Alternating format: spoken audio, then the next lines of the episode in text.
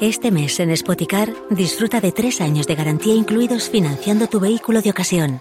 Además, llévate el cargador de regalo en tu eléctrico o híbrido enchufable, visita uno de nuestros 200 concesionarios y disfruta de disponibilidad inmediata reservando tu coche en spoticar.es. Financiación ofrecida por Stellantis Financial Services. Consulta condiciones en spoticar.es. Clara Martínez és presidenta de la secció del dret penal del Col·legi de l'Advocacia de Barcelona. Clara Martínez, bon dia i moltes gràcies. Bon dia, gràcies a vosaltres. Uh, suposo que uh, uh, t'hem passat a la, la sentència, suposo que us heu hagut de llegir en diagonal. Uh, molt en diagonal, molt en però diagonal. que pugui. Perfecte, però és que tenim molts dubtes, com hi pots imaginar, com a, com a profans en la matèria en la qual hem d'interpretar la, la notícia. Quatre anys i mig, en principi, ens sembla, pel que s'havia demanat per part de l'acusació i de la Fiscalia, una sentència laxa, tot i que el que diu el text, el que diu el text és que va haver-hi una, una agressió sexual amb penetració i sense consentiment. Això és així, però hem de tenir en compte que des de que va reformar-se la llei el 2022 amb la llei del CSI, com que ara el delicte anomenat agressió sexual engloba diferents conductes de major o menor intensitat, doncs anem d'anar sempre en el, en el marc penològic en el qual eh, es valora doncs, la conducta en concret. Aquí, quan estem parlant de que hi ha una existència de violència o intimidació i, a més a més, accés carnal, ens estem movent en unes penes que poden anar entre els 4 i els 12 anys. El que passa que aquí, pel que estic llegint a la sentència, ens estem quedant eh, necessàriament en el marc penal de 4 a 8 anys. Val? La raó per la qual finalment li posen aquests 4 anys i 6 mesos, pel que, pel que estic veient, és perquè han aplicat l'atenuant de reparació del dany, en el sentit de que el senyor Alves, durant la fase prèvies al judici, va no sols consignar la quantitat de 150.000 euros al jutjat, sinó que va demanar que això se li entregués a la denunciant en qualsevol cas, tant si l'absolien com si el condemnaven. Per tant, ell feia aquest acte de mm, liberalitat, com si diguéssim, d'entregar aquests diners. Li han aplicat només aquest atenuant i, per tant, com que no li han aplicat tampoc com a molt qualificada, que voldria dir que, que, que consideren que hi ha hagut un esforç reparador eh, molt important, ells consideren, pel que he llegit, que eh, doncs, tenint en compte que és futbolista, que té una casa valorada amb no sé quan i tal, eh, la seva situació econòmica, que no sé fins a quin punt eh, és així com, com, com ha, al final eh, deixat constància de la sentència, però bueno, desconec el seu patrimoni. En qualsevol cas diuen que mm, consideren que l'esforç que ha fet no és tan important com podia haver sigut i, per tant, li apliquen mm, la demanda com a simple, és a dir, que només ens permet anar-nos a la part mínima de la pena. I per això, com que el mínim és 4, li han posat els 4 anys i 6 mesos, valorant les circumstàncies de, bueno, de, de, de, dels fets. Clar, clar, el tribunal literalment diu no té cap dubte que la penetració vaginal de la denunciant es va produir utilitzant la violència tenint en compte tant el seu relat d'aquest moment que es veu corroborat perifèricament per les proves esmentades i donada la reacció de la víctima des d'instants després de produir els fets. És a dir, parla fins i tot de violència. Eh? Literalment parla de violència.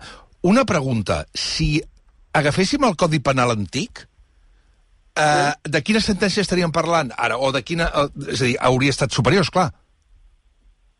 Uh, és més favorable a aquesta, a aquesta regulació, sí. Mm, ara mm, no recordo exactament en quin marc penal estàvem en aquell, en aquell moment, sincerament.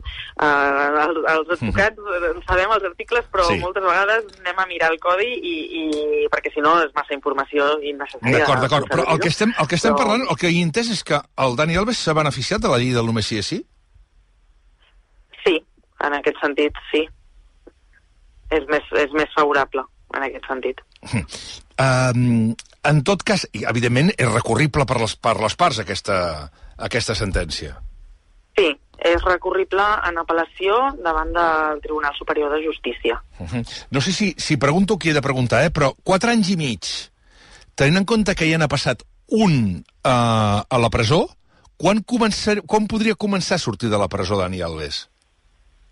Bé, Aquí hi ha una qüestió bastant important, que és que el, la llei estableix que les penes que superen els 5 anys eh, el règim per accedir al, al tercer grau s'han d'haver complert almenys dues terceres parts de, de la sentència, d'acord? Clar, com que estem en una situació de que la condemna és inferior a 5 anys, doncs aquí, en cas de no voler recórrer, cosa que dubto, i de declarar la, la fermesa de la sentència i quedar-se així, doncs eh, aquí el que entenc que hauria de, de fer el senyor Alves i la seva defensa seria doncs, començar a lluitar l'àmbit penitenciari per accedir al tercer grau amb, amb major rapidesa. Val? Llavors, aquí, tenint en compte que ja ha fet aquest pagament de la responsabilitat civil, això és una cosa que en l'àmbit penitenciari també es valora molt positivament, doncs eh, penso que tenint en compte que ha fet un any, doncs potser d'aquí un any més podria podria començar a fer permisos. En qualsevol cas, no sóc experta en penitenciari, d'acord? Uh mhm. -huh. I, I, per tant, eh, tampoc no vull, no vull posar eh, el focus en una data concreta que, que tampoc eh, no és exacta, eh? I, i bé, en qualsevol cas, si ara eh, comença el règim de recursos, doncs no serà ferm la sentència. Per tant, fins que no sigui ferm, el temps anirà, anirà transcorrent. Mm -hmm. uh, uh, crec que la Mar Pollada té un detall que ens vol explicar. Mar. Sí, que precisament Dani Alves, eh, la seva advocada és experta en dret penitenciari. Hi va haver un canvi de defensa, recordareu que inicialment el defensava Cristóbal Martell, que va deixar el cas, i llavors el va passar i el va agafar Inés Guardiola. I aquí es veia una mica eh, per on anirien els trets, i era que en el cas que es consideri... Eh, s'estava preveient ja que la sentència seria condemnatòria, per tant, quina era l'estratègia de defensa? Anar a buscar eh, el mínim de pena possible que és el que han aconseguit amb aquesta estratègia de defensa. No? Eh, per tant, eh, ja té una advocada que la seva funció és eh, doncs, eh, intentar que Dani Alves estigui el menys de temps a la presó possible. Uh -huh. Per tant, interpreto eh, que, eh, que suposo, Clara Martínez, que aviat aviat podria sortir perfectament de la, de la presó. És probable que en dos, tres, quatre mesos podria sortir de la presó, no? Amb un tercer grau. Com, com, com dic, jo sí, sí, estem, eh, soc sí, expert sí, sí. en penitenciari i, i aquí en aquest cas és cert que, que la companya Inés Guardiola, que és un excel·lent professional, eh, és experta en penitenciari, però també penso que ha fet un excel·lent treball en l'àmbit processal no? i la defensa de, del que és el judici. Eh, jo no estic tan d'acord amb el fet de que s'hagi enfocat tant de cara al penitenciari perquè crec que ha defensat el judici eh, eh d'una manera doncs, anar a per totes, no? a buscar l'absolució. És cert que, que, que això, sempre busquem l'absolució, però en el pitjor dels casos no? busquem la, la, la pena mínima. No?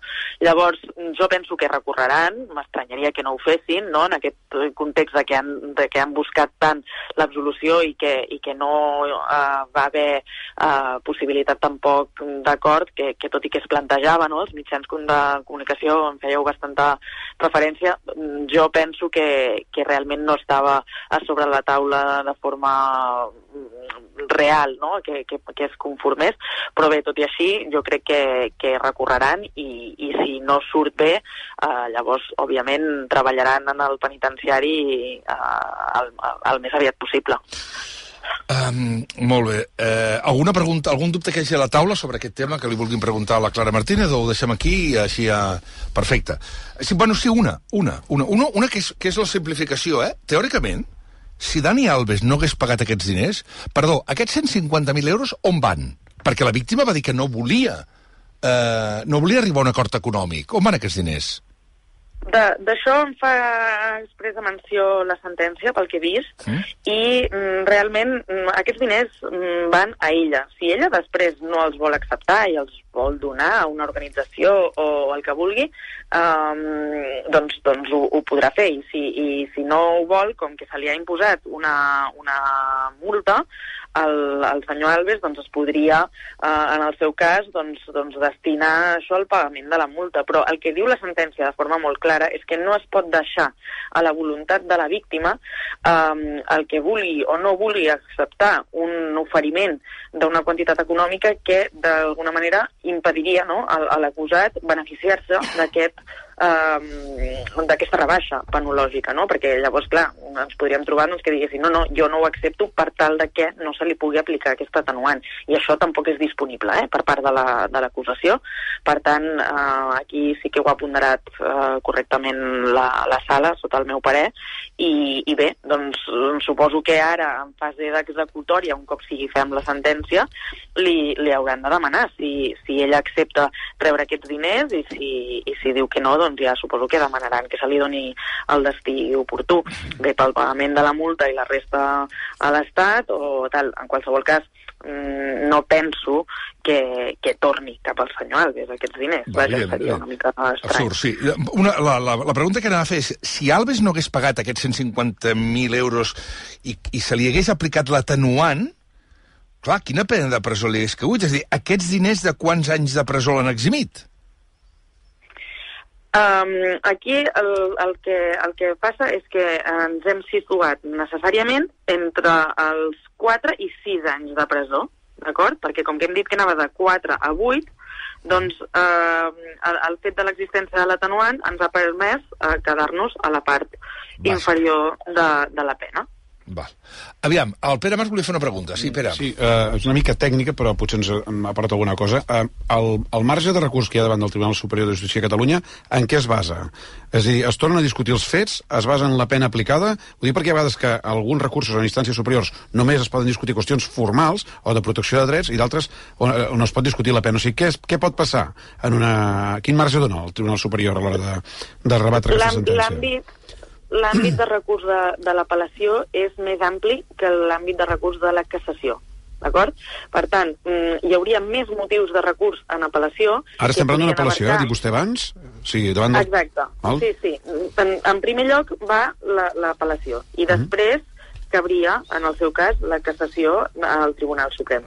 Uh, però què passa? Que el, el que dic, uh, el, els motius de recurs de l'apel·lació són més, són més amplis i inclouen des d'error en la valoració de la prova com a uh, infracció de llei, que és uh, al·legar la inaplicació o, o incorrecta aplicació d'algun determinat del, eh, article del, del Codi Penal, no? doncs com seria doncs, dir eh, se m'ha aplicat, o no se m'ha aplicat, per exemple, l'atenuant de eh, uh, l'embriaguet, no? la, el consum d'alcohol. I això el que passa és que aquest, aquest cas concret és un cas, sota el meu parer, molt fàctic. El que s'estan jutjant aquí són realment qüestió de fets, no? de considerar provat si s'ha produït aquest fet o no s'ha produït aquest fet. Per tant, jo veig molt difícil que això pugui accedir l'àmbit de l'apel·lació. És a dir, jo no veig que hi hagi via per després anar en, en cassació, perquè la cassació sí que està restringida al que anomenem infracció de llei. No? Per tant, a l'àmbit de l'apel·lació davant del TCJ, la seva defensa sí que podrà eh, qüestionar moltes parts d'aquesta sentència. Per exemple, veig que se li han desestimat tota una sèrie de qüestions prèvies que, que bueno, ja es va desestimar a l'inici del judici, eh, però ara ha quedat recollit a la sentència. Doncs um, aquestes qüestions prèvies de vulneració de drets fonamentals, d'un procés de totes les garanties, eh, jutge imparcial i, i de més qüestions que veig aquí de sentència, doncs això ho podrà reproduir. D'altra banda, podrà demanar també la revocació de la sentència per considerar que hi ha un error a la valoració de la prova, és a dir, on la sentència diu que la declaració de la víctima és creïble, per exemple, doncs m'imagino que qüestionaran que no és creïble per tal, tal, tal i altre argument, no? No ho sé, però eh, és, és més qüestió fàctica. La qüestió jurídica de, que ens donaria lloc a la, a la cassació la veig més complicada aquí, però en qualsevol cas, en l'apel·lació podrà fer mm, tot aquest, aquest seguit de motius. Val. I, I ara sí que va. La és que, és que hi ha molta, molta gent que m'està fent preguntes tenint en compte les teves explicacions. Clara, que és que hi ha una... Hi ha un, hi ha, em pregunten, clar, si Dani Alves, en lloc de ser un, un exfutbolista milionari, fos una persona insolvent, incapaç de pagar 150.000 euros, hauria pogut accedir a aquesta rebaixa de pena? Mm, aviam, difícilment hagués pogut pagar eh, doncs una quantitat com aquesta, no? Però també és veritat que precisament el que valora la sala és l'esforç reparador, d'acord? És el que he comentat abans. Llavors, en aquest cas, per què la sala li ha posat l'atenuant com a simple? Perquè ha considerat que, atès les seves capacitats econòmiques, que com jo dic, jo desconec, doncs consideren que no s'ha esforçat especialment, no? Uh -huh. En canvi, posem el supòsit una persona que no és milionària, que és un treballador eh, doncs que, que guanya els seus, eh, no sé, 2.000 euros al mes o tal, i que uh -huh. té estalviats eh, 10 o 15.000 euros i només té la propietat de casa seva juntament amb la seva dona, per posar un exemple, val? doncs si, si aquesta persona consigna tots els seus estalvis i fa un oferiment, per exemple, de vendre la seva meitat de la casa per posar els diners i tal i qual, doncs aquí es considerarà que tot i que arribi a una quantitat molt inferior, doncs que està eh, fent un esforç reparador molt gran, perquè té unes capacitats econòmiques